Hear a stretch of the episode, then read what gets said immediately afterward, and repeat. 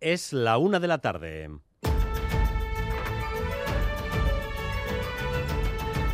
Crónica de Euskadi con Dani Álvarez. A Rachaldeón, primera reunión de Pedro Sánchez para alcanzar su investidura. Reunión con su vicepresidenta, Yolanda Díaz. Busca un proceso rápido. Tiene que ser este mismo mes. Ese es el objetivo que se han marcado. La coalición, por tanto, se prolongará cuatro años, pero hay que definir unas nuevas reglas. Por ejemplo, es probable que esta vez el Ministerio de Igualdad sea para el PSOE y no para sumar. Madrid, Nerea Sarriegui, Arrachaldeón. Arrachaldeón, la palabra que más repite hoy el PSOE es acelerar, acelerar los contactos lo máximo posible para obtener la mayoría que les permita continuar en la Moncloa. Socialistas y Sumar tratarán de cerrar su programa de gobierno este mes, aunque los de Yolanda Díaz insisten en que aún están lejos todo, mientras escuchan las exigencias de los grupos que tienen la llave de la investidura. Pedro Sánchez se reunirá personalmente con todos, excepto con Vox. Aquí la ley de educación sigue ocupando los esfuerzos de los partidos políticos.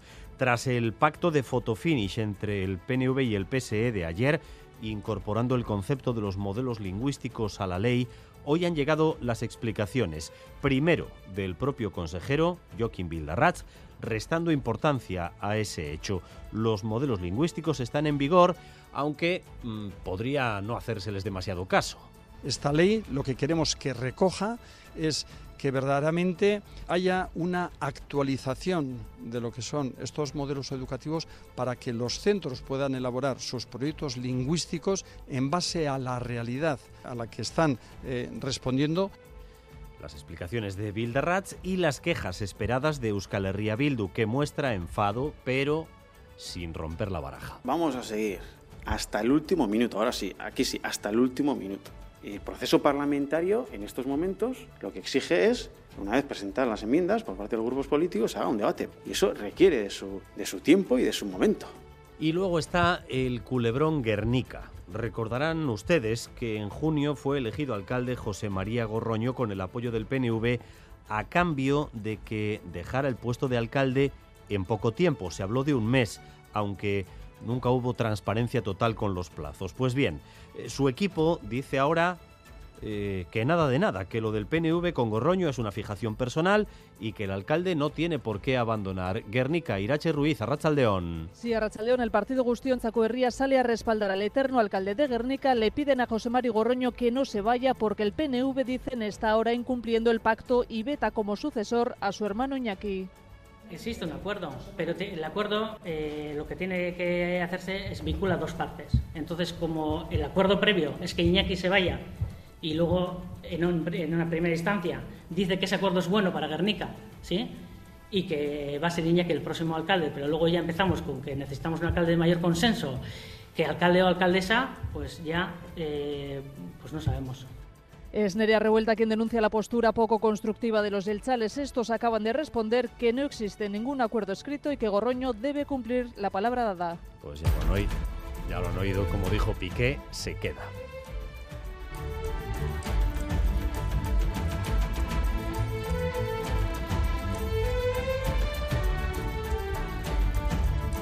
Hace unos días se produjo un incidente en Navarra en el que jabalíes atacaron a un grupo de personas que estaban dando un paseo por el monte.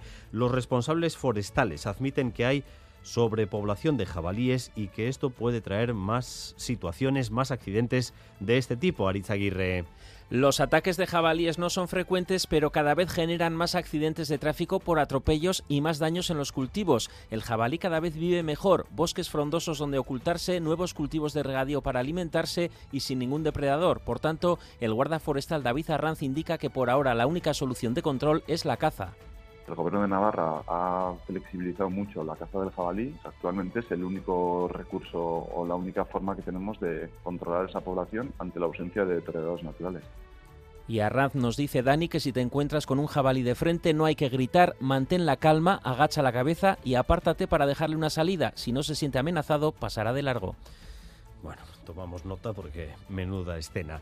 Y la próxima edición de Durango Coazoca lleva ya, eh, tiene ya nuevo título, será Fantasiada, el lema eh, que ha sido presentado esta misma mañana en Landaco Gunea. El puente de diciembre, del 6 al 10 de diciembre, la Plaza de la Cultura Vasca se llenará por tanto de fantasía. Nerea Mújica, presidenta de Gerediaga Elkartea. Fantasia da sortzaile berrien ilusioa. Fantasia da liburuen usaina, diskoen kolorea. Fantasia da kulturzaleen irribarrea.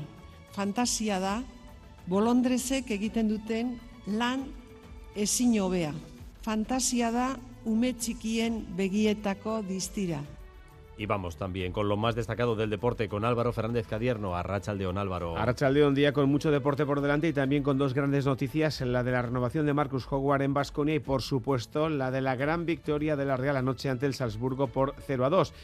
En cuanto a hoy lo dicho, tenemos Liga F, Athletic Granada, Real Sociedad Levante, Eibar Madrid. Tenemos Liga CB, Obradoiro Bilbao Basket y tenemos Liga de Balonmano Femenina, en este caso el da Vera Vera, Rocasa Betiona. En cuanto al tiempo, se irán abriendo claros y el ambiente será en general soleado durante la tarde, con temperaturas en ascenso, con temperaturas que pueden alcanzar eh, los 25-26 grados. Hay 23 ahora mismo en Bayona o en Bilbao, 21 grados de temperatura en Pamplona y en Donostia, 20 grados de temperatura en Vitoria-Gasteiz. Gracias un día más por elegir Radio Euskadi y Radio Vitoria para informarse. Raúl González y José Ignacio Revuelta se encargan de la dirección técnica, María Cereceda de la coordinación. Crónica de Euskadi con Dani Álvarez.